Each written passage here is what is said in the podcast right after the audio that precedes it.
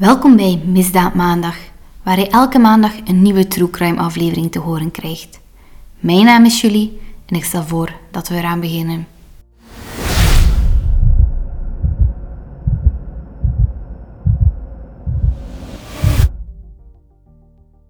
Leah Peebles was de perfecte studente. Ze haalde goede cijfers, deed aan cheerleader en ik kon haar altijd bij verschillende activiteiten terugvinden. Wanneer ze op haar zestiende alcohol en drugs begint te misbruiken, gaat het de verkeerde richting uit. Na jarenlang gebruik besluit ze op haar 23ste haar leven volledig om te slaan. Ze verhuist naar een andere staat om daar een nieuwe start te kunnen maken. Maar twee weken later verdwijnt Lia. Heeft ze zelf voor gekozen om van de radar te verdwijnen? Heeft iemand haar meegenomen? Of is de date die ze die noodlottige dag had verkeerd afgelopen?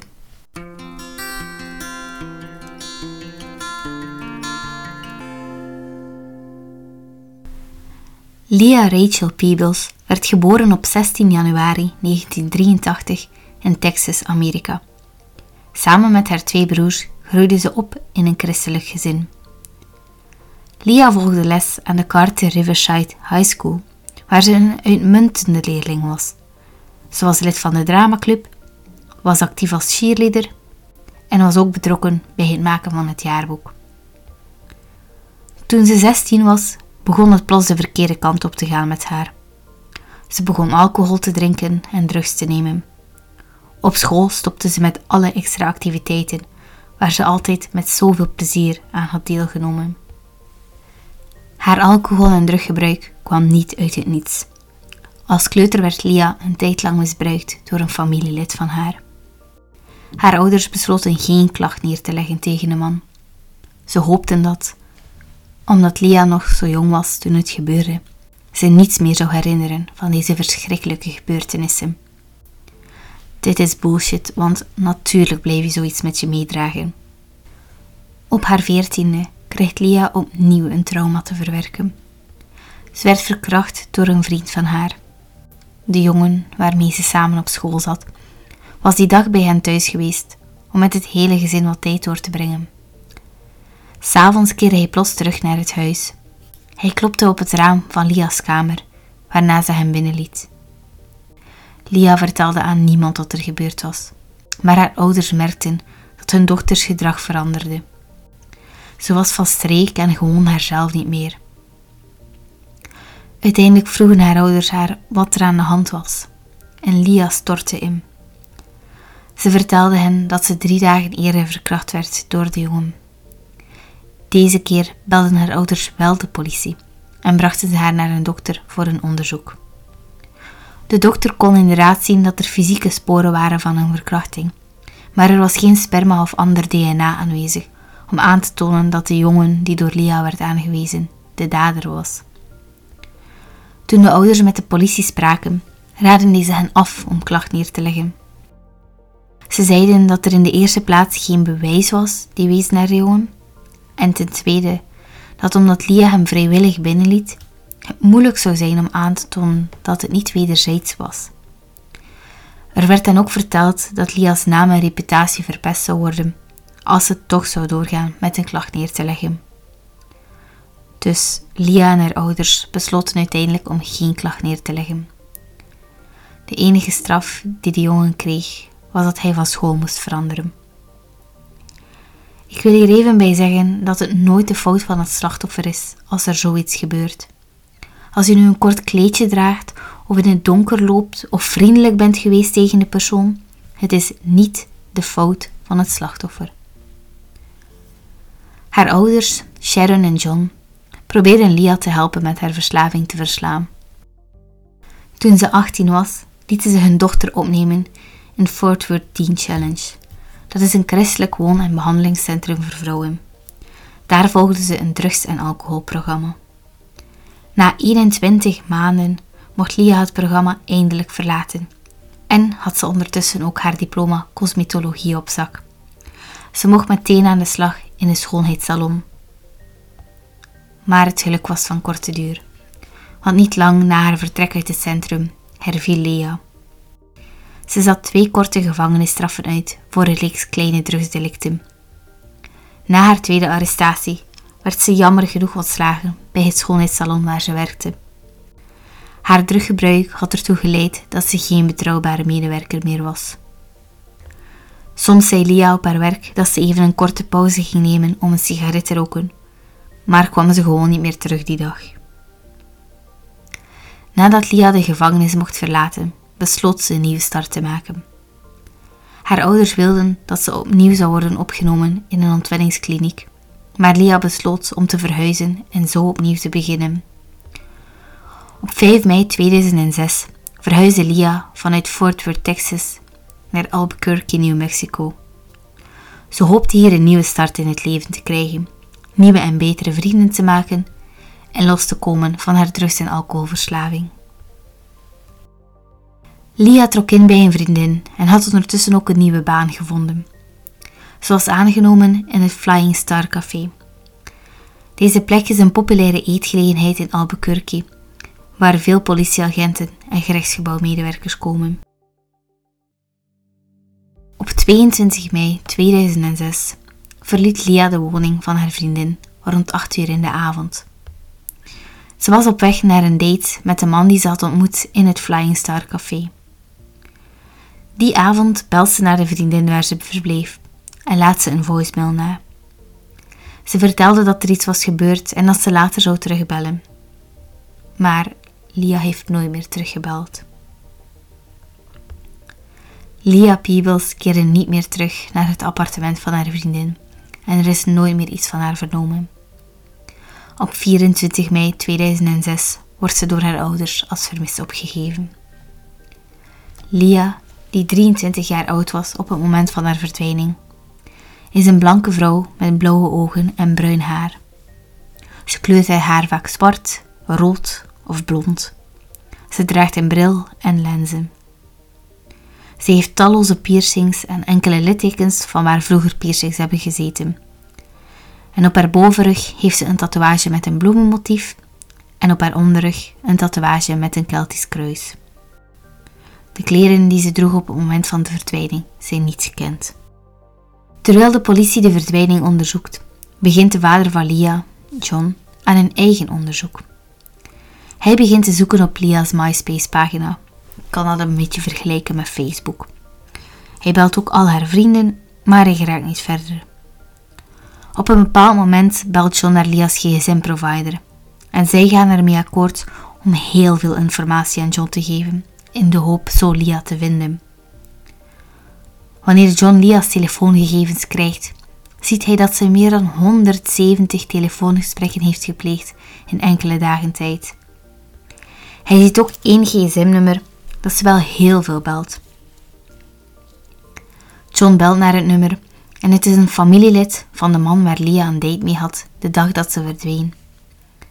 Zowel de persoon waarmee Lia zoveel belde, als de man waarmee ze op date is geweest, zijn zeer behulpzaam.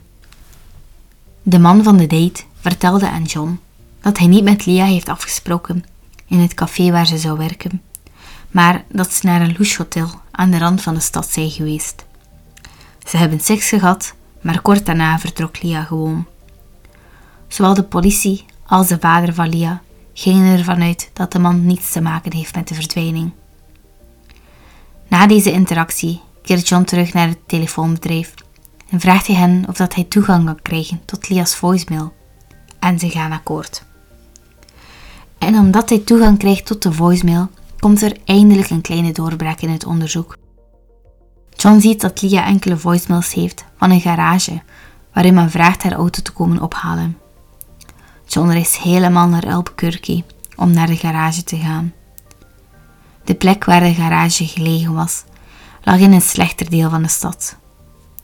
Deze plek is gekend om de vele drugsdealers, drugsgebruikers en prostituees. De garagist vertelt John dat Lia over de middenberm was gereden en de auto niet meer bestuurbaar was. Er werd door John uiteindelijk niets bruikbaar in de auto gevonden, maar de garagist vertelde wel, toen hij Lia zag, dat het duidelijk was dat ze high was en dat het ook heel duidelijk was aan haar armen dat ze drugs spoot. Hij vertelde ook aan John dat Lia een prostituee was. Dankzij de getuigenis van de garagist had John eindelijk een punt waar hij kon beginnen zoeken naar Lia. Hij zocht de straten af naar zijn dochter, bezocht elke winkel die er was en toonde aan iedere voorbijganger een foto in de hoop dat ze Lia zouden herkennen. Uiteindelijk bezocht John ook stripclubs in de buurt en in een van de clubs vond hij een nieuwe aanwijzing. Een van de danseressen vertelde dat ze het meisje op de foto herkent. Ze probeerde een job in de club te krijgen, maar ze heette helemaal geen Lia. Het meisje op de foto heette volgens de danseres Maya. Omdat John uiteindelijk terug naar huis moest om weer te gaan werken, gaf hij alle informatie die hij al had verzameld door aan inspecteur Aida Lopez. Inspecteur Lopez doet er alles aan om het meisje terug te vinden, maar ook zij slaagt hier niet in. Tot op een dag in augustus 2006. Inspecteur Lopez staat vast in de file wanneer ze plots een zeer mooi meisje over straat ziet lopen. Ze is bijna zeker dat het Lia is, maar wanneer ze de kans krijgt om achter het meisje aan te gaan, is ze al verdwenen. Wanneer John enige tijd later terugkeert naar Albuquerque om opnieuw naar Lia te zoeken, heeft hij minder geluk. Zijn onderzoek gaat niet vooruit en hij is klaar om terug naar huis te vertrekken. Wanneer hij het hotel verlaat waar hij denkt dat Lia ook verbleef, wordt hij benaderd door een prostituee. Hij vertelt haar dat hij daarin niet geïnteresseerd is, maar vraagt haar wel om naar de foto van zijn dochter te kijken. De vrouw herkent het meisje en roept er een andere prostituee bij. De twee vrouwen verklaarden dat het meisje op de foto zichzelf Maya noemde en dat ze ook werkte als een prostituee bij een truckstop. John beslist nog niet naar huis te gaan en hij zet zijn zoektocht verder. Hij verblijft in een hotel bij de truckstop en houdt de plek nauwlettend in het oog. Ook daar spreekt hij met verschillende prostituees om meer informatie te krijgen over Lia. Het werd duidelijk dat deze meisjes werkten voor een pooier genaamd AJ. De politie ondervroeg AJ, wiens echte naam Donald Sear is, maar hij beweerde dat hij nog nooit van Lia Peebles had gehoord. Na het gesprek met de politie was er geen enkel meisje die kon of wou bevestigen dat Lia ooit bij de truckstop is geweest. Haar vader, John, heeft Lia nooit gevonden en was ervan overtuigd dat ze is doorverkocht aan een pooier en ergens werkt als prostituee. Daarom reisde hij in de jaren nadien door Texas, New Mexico, Colorado, Arizona en Nevada in de hoop Lia's verblijfplaats te vinden, zonder succes. John Peeble stierf bij een motorongeval op 5 augustus 2013, zonder te weten wat er met zijn dochter is gebeurd. In zijn overlijdingsbericht staat dat Lia nog steeds in leven is. Er was tijdens het onderzoek ook een theorie dat Lia het slachtoffer was geworden van de West Mesa serial killer. Op 2 februari 2009 werd een massagraf gevonden op een constructieplek voor nieuwe woonwijken in West Mesa, Albuquerque. Na onderzoek bleek dat de beenderen die werden gevonden toebehoorden aan 11 mensen. 12 als je de foetus meerekent die ook werd gevonden. De slachtoffers waren tussen de 15 en 32 jaar oud. De meeste waren Spaans en bijna allemaal waren ze betrokken bij drugs- en sekswerk. Tussen 2001 en 2006 begonnen vrouwen, die naar verluid vaak in de gevaarlijke delen van Albuquerque rondhingen, te verdwijnen. Alle gevonden vrouwen in het massagraf raakten in 2003 of 2004 vermist. Maar er was dan nog een groep vrouwen die verdween in dezelfde regio in 2005 en 2006. Philippa, Nina, Anna, Chantel, Vanessa en natuurlijk Lia. Net zoals de slachtoffers die reeds werden gevonden in het massagraf, hadden deze vrouwen een heel gelijkaardige levensstijl. Ze denken dat de dader een andere plek had gevonden om zijn slachtoffers te, ja, te dumpen en dat deze plek nog niet gevonden is. In de toekomst zal ik nog een aparte aflevering maken over deze zaak, dus dan zal je nog een hele hoop extra informatie krijgen hierover. De omstandigheden van de verdwijning van Lia Peebles blijven onduidelijk en haar zaak is nog steeds niet opgelost. Deze wordt momenteel geclassificeerd als vermist. De twee theorieën op dit moment zijn dat 1.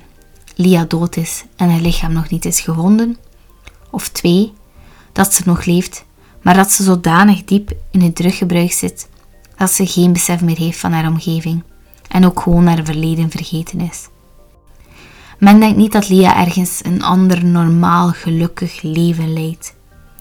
Dit denken ze omdat toen haar vader John stierf in 2013, Lia niet naar de begrafenis is gekomen. Moest ze leven en welzijn, zou ze sowieso zijn gekomen, want haar vader betekende heel veel voor haar. Mocht je meer willen weten over de verdwijning van Lia Peebles, raad ik aan om naar Amerikaanse podcasts te luisteren die de zaak behandelen. Ik heb er ook enkele geluisterd en persoonlijk vond ik dat ik daar veel meer informatie uit kreeg dan wat ik zelf op internet kon vinden uit krantenartikels en blogposts. De podcast waar ik het meest aan heb gehad tijdens mijn onderzoek is Voices for Justice. Zij hebben in november 2021 een hele mooie aflevering over Lia gemaakt. Er is ook een aflevering gemaakt door de tv-serie Disappeared, maar ik kon die nergens online kijken zonder er zeker van te zijn dat ik geen virussen op mijn computer zou zetten. Maar weet eens dat er een kleine documentaire en interview bestaat en die heet A Father's Quest. Ik wil graag deze aflevering van de podcast afsluiten met het herinneren van Lia Peebles. Wat er ook gebeurd is met Lia, het zal waarschijnlijk geen mooi einde kennen. Graag wil ik nog ook even stilstaan bij John Peebles, de vader van Lia, die sinds haar verdwijning zijn eigen leven op hold heeft gezet om zijn dochter te vinden. Hij stierf jammer genoeg veel te vroeg in een ongeval in 2013. Ook de mama van Lia wil ik nog even vernoemen, want zij leeft nog altijd verder, niet wetend wat er met haar dochter gebeurd is.